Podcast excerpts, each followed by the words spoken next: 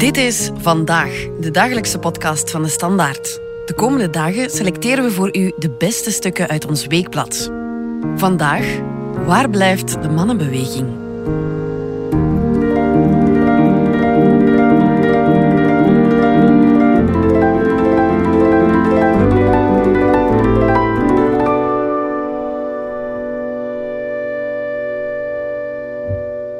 Ik ben Inge Schelstraten van de cultuurredactie. Vorige herfst overleed Sheer Hyde, een naam als een klok in de jaren zeventig toen ze het Sheer Hyde-rapport uitbracht en gewone huisvrouwen over de hele wereld bewust maakte dat er zoiets was als een clitoris en dat ze veel gemakkelijker konden klaarkomen via die clitoris dan via penetratie.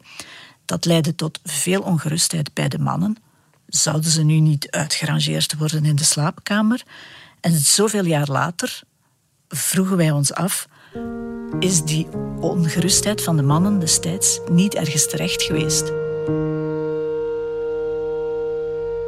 Een orgasme is als een continent. Amerika was er al voor Columbus het ontdekte. Vrouwen bereikten al clitorale orgasmes voor Sheerheid erover schreef. Tenzij ze helemaal niet klaarkwamen.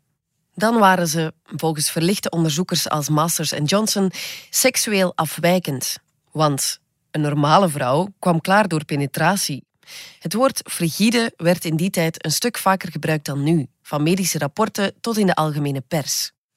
Kunt u zich voorstellen hoe opgelucht die afwijkende vrouwen waren toen het Hyde-rapport in 1976 uitkwam? Hyde had 3500 vrouwen geïnterviewd.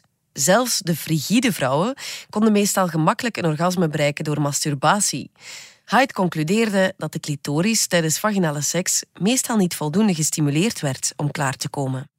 Dat leidde tot paniekerige reacties aan mannelijke kant. Dat een vrouw meer kon genieten van masturbatie dan van seks met een man was verontrustend en penisonvriendelijk, schreven we toen Hyde in september overleed. Dat klonk een beetje als schadenfreude, maar na elk interview met Hyde stonden tijdschriften vol brieven van mannen die verzekerden dat hun vrouw normaal was en klaarkwam zodra ze met hun penis haar vagina aanraakte. Maar Playboy zag Hyde's studie als een aanval op mannen en noemde ze consequent het Hate Report. De seksuele revolutie was toen nog trots macho. In de seksshops van Sluis, waar we na school eens een kijkje gingen nemen, stond een arsenaal vier fallussen in plastic, naturalistisch op het buitenmaatse formaat na. Voor tieners die net wat waren beginnen te foefelen met elkaar, was dat te intimiderend om weg te giechelen. Vrouwen kochten vibrators vaker via postorderbedrijven als Trois Suisse. Daar heten ze massagestaven. En leken ze vooral niet op penissen. In traditionele seksshops staan die realistische dildo's en vibrators nog steeds, naast gestroomlijnde versies in fuchsia of paars.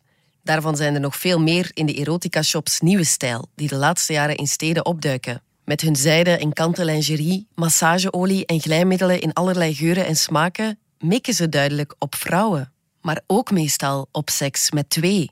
Werd Playboy paranoïde toen vrouwen na het lezen van Sheer Hyde een spiegeltje pakten om hun vagina te bekijken en masturbatielessen volgden? Het lijkt erop dat seks gewoon gezelliger is geworden voor koppels. 60% van onze klanten is vrouw en vrouwen, ook in een koppel, beslissen vaak over de aankoop, zegt Audrey van Ham, CEO van de erotica-keten Christine Leduc. Een vrouw in een door mannen gedomineerde branche, wil het cliché dan. Maar het was ook een vrouw die in 1961 de eerste seksshop ter wereld opende, de Duitse Beate Oesse. En ook Christine Leduc bestaat al sinds 1968 en verhuisde na een kort verblijf op de Wallen naar een winkelstraat, omdat oprichters Hans en Tine Hartog vonden dat een erotiekwinkel naast de HEMA moest kunnen. Die aanpak mikte al meer op vrouwen en sinds 2009 communiceert het merk specifiek naar een vrouwelijk publiek. Er is nog altijd vraag naar de massagestaaf, vertelt ze. Die worden nog steeds uit hard plastic gemaakt. Ook de realistics, dildo's met adertjes en zo, worden nog steeds gefabriceerd. Ik ben in zo'n fabriek geweest in China. Die worden nog met de hand geverfd. Het materiaal is nu wel real feel siliconen, wat prettiger voelt en veiliger is dan de jellies van vroeger, met weekmakers en andere chemicaliën die niet zo gezond waren. De grootste nieuwigheid van de laatste vijf jaar, zegt Audrey van Ham, is de Womanizer, een vibrator met luchtdruk die ook een zuigende functie heeft. Daarnaast heb je veel app-controlled toys waarbij je elkaar desnoods vanuit een ander land kunt bespelen. Dat was een niche in het assortiment, want ze zijn prijziger door die technologie. Maar tijdens de lockdown groeide de markt. En jonge klanten die al langer alles op afstand besturen, die vallen daar wel voor. Ten slotte zijn er speeltjes voor stellen als de Wii-Vibe. Een C-vormige koppelvibrator die de vrouw gedeeltelijk inbrengt en die de man ook voelt tijdens seks. Dat is een belangrijke verandering van de laatste vijf jaar, zegt Audrey van Ham.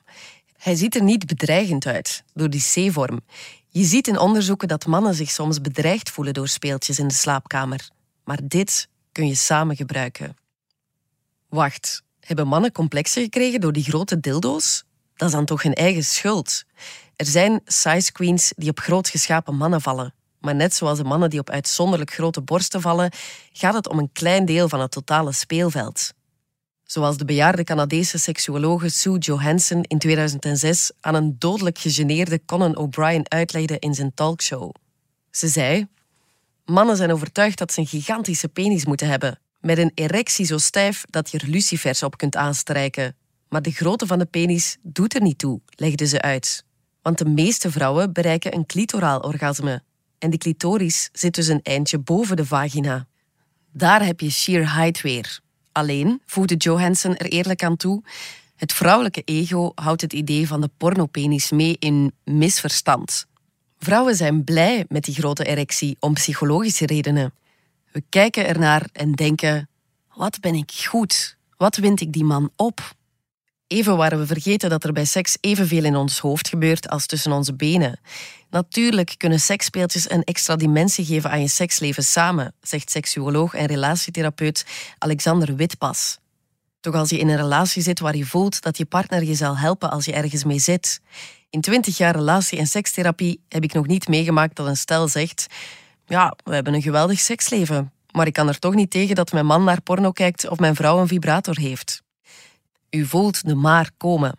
Maar als je partner geen tijd en aandacht voor je heeft, je de hele tijd verbaal of non-verbaal laat voelen dat je haar niet bevredigt, en seks altijd moeilijk is, zegt Alexander Witpas, dan is het niet zo raar dat een man niet enthousiast is als een vrouw met een vibrator komt aanzetten. Net als een vrouw die voelt dat haar partner haar niet aantrekkelijk vindt. Gekwetst zal reageren als hij voorstelt om samen een pornofilm te bekijken. Die womanizer met luchtdruk, daar maakt zangeres Lily Allen tegenwoordig reclame voor. We zien een beroemde man nog niet zo snel sekspoppen aanprijzen. Er is een dubbele moraal als het over seksspeeltjes gaat, beaamt Witpas. Vrouwen die ze gebruiken zijn feministisch, vrijgevochten en autonoom. A woman needs a man like a fish needs a bicycle. Die boetade. Terwijl een man met een flashlight, een kunstvagina, toch maar zielig is. Een beetje verdacht en zelfs vrouwonvriendelijk. Maar het gaat wel over exact dezelfde dingen. Natuurlijk kwam de echte interesse voor accessoires er ook niet door sheer height of andere wetenschappelijke onderzoeken, maar door tv-series als Sex and the City. Goed voor demonstraties van The Rabbit in erotica-shops en door Fifty Shades of Grey. Dat hadden we niet zien aankomen, zegt Van Ham. Vrouwen die nog nooit bij ons over de vloer waren gekomen, kwamen met het boek in de hand aanwrijven welke producten ze wilden. We hebben containers van die vaginaballetjes uit China laten komen. En dan is er nog iets. De clitoris is dankzij Hyde dan wel iets bekender. Er is nog veel dat we niet van weten, zegt de Australische uroloog Helen O'Connell deze week in The Guardian. Alleen kan ze haar, vooral mannelijke collega's, niet echt warm maken voor nieuw onderzoek. Ze vermoedt dat er gêne speelt. Franse scholieren vinden sinds september wel een 3D-afbeelding van de vulva in hun schoolboeken. Een groot orgaan in de onderbuik in de vorm van een orchidee, waarvan het kleine uitwendige stuk dat we meestal clitoris noemen, maar het zichtbare topje is. Je staat toch te kijken hoeveel mensen niet weten dat opwinding bij vrouwen werkt zoals bij mannen en dat de clitoris ook zwelt bij opwinding, zegt Van Ham. We geven in onze academy ook mee dat een vrouw eerst goed opgewonden moet zijn voor ze comfortabel van seks geniet. Uit onderzoek weten we dat 19% van de Vlaamse vrouwen niet eens weet waar de clitoris ligt. Het merendeel is tussen de 30 en 50 jaar. Dat 17% van de vrouwen pijn ervaart bij het vrije, wordt dan ook een stuk begrijpelijker.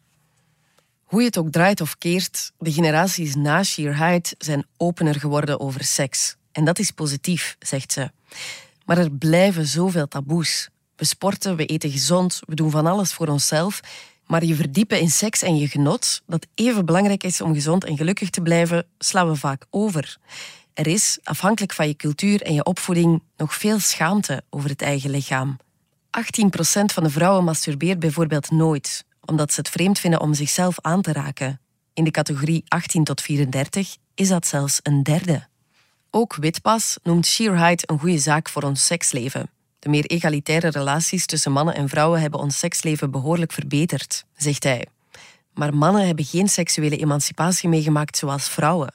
Ze worden nog altijd niet gezien als volwaardige seksuele wezens, met gevoelens die kwetsbaar zijn, die verlangen naar verbondenheid, die niet afgewezen willen worden in dat deel van hun identiteit. Als mannen bij mij komen met een probleem, zegt Witpas, vragen ze meestal of het psychologisch of biologisch is, nooit of het politiek is. Voor mannen is het persoonlijke net zo goed politiek als voor vrouwen, zegt hij.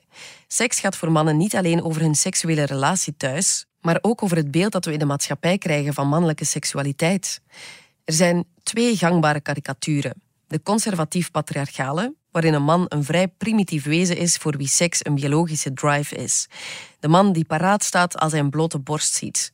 De andere karikatuur, die ik gemakshalve de feministische noem, focust volledig op de nadelen die vrouwen van dat eerste verhaal ondervinden. Mannen zijn lui, het interesseert hen niet of vrouwen bevredigd zijn, ze vinden de clitoris niet en vooral, ze zijn gevaarlijk. Alle mannen, het maakt niet uit of ze jong, oud, hetero of homo zijn, een beperking hebben of autistisch zijn, feminist zijn of niet. Jonge vrouwen noemen masturberen soms sneller, efficiënter en praktischer dan seks met een man. Dat lijkt me logisch, zegt Witpas. Als je mannen vraagt wat de snelste manier is om een orgasme te bereiken, dan zeggen ze ook masturberen. Maar voor de meeste mannen en vrouwen is snel en efficiënt klaarkomen niet de belangrijkste reden om seks te hebben. De interactie met een andere persoon is een diep menselijke drijfveer. Er is op dit moment geen positief, constructief verhaal over mannelijke seksualiteit. Niet cultureel en al helemaal niet politiek, zegt Witpas. Een man die ergens onzeker over is, krijgt in het patriarchale verhaal te horen dat hij niet zo flauw moet doen. Want een echte man heeft geen seksuele twijfels. In het feministische dat hij niet zo flauw moet doen. Want wat hij meemaakt, is niet zo erg als wat vrouwen meemaken. En dat heeft gevolgen in het dagelijkse leven. Een man die vindt dat hij te klein geschapen is of te snel klaarkomt, moet blijkbaar ook niet zo flauw doen als er grappen over worden gemaakt, terwijl dat voor veel mannen en koppels een domper op hun seksleven zet. Grappen maken over vrouwen die denken dat hun binnenste schaamlippen te groot zijn, ja, dat zal je op kritiek te staan komen. Zelfs bij de dokter kan die ongenuanceerde visie gevolgen hebben. Een man die geen erectie kan krijgen, krijgt een voorschrift voor de blauwe pil. Terwijl uit een gesprek soms snel blijkt dat die man geen enkel erectieprobleem heeft, maar gewoon geen zin in seks.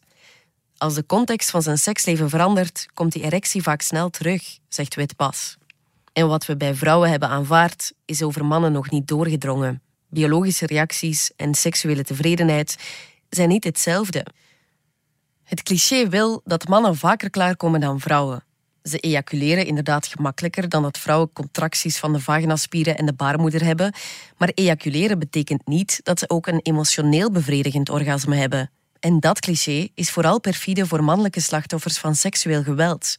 Plegers kunnen zeggen dat ze een erectie hadden en geëjaculeerd hebben, en de schijn wekken dat het contact wederzijds gewenst was.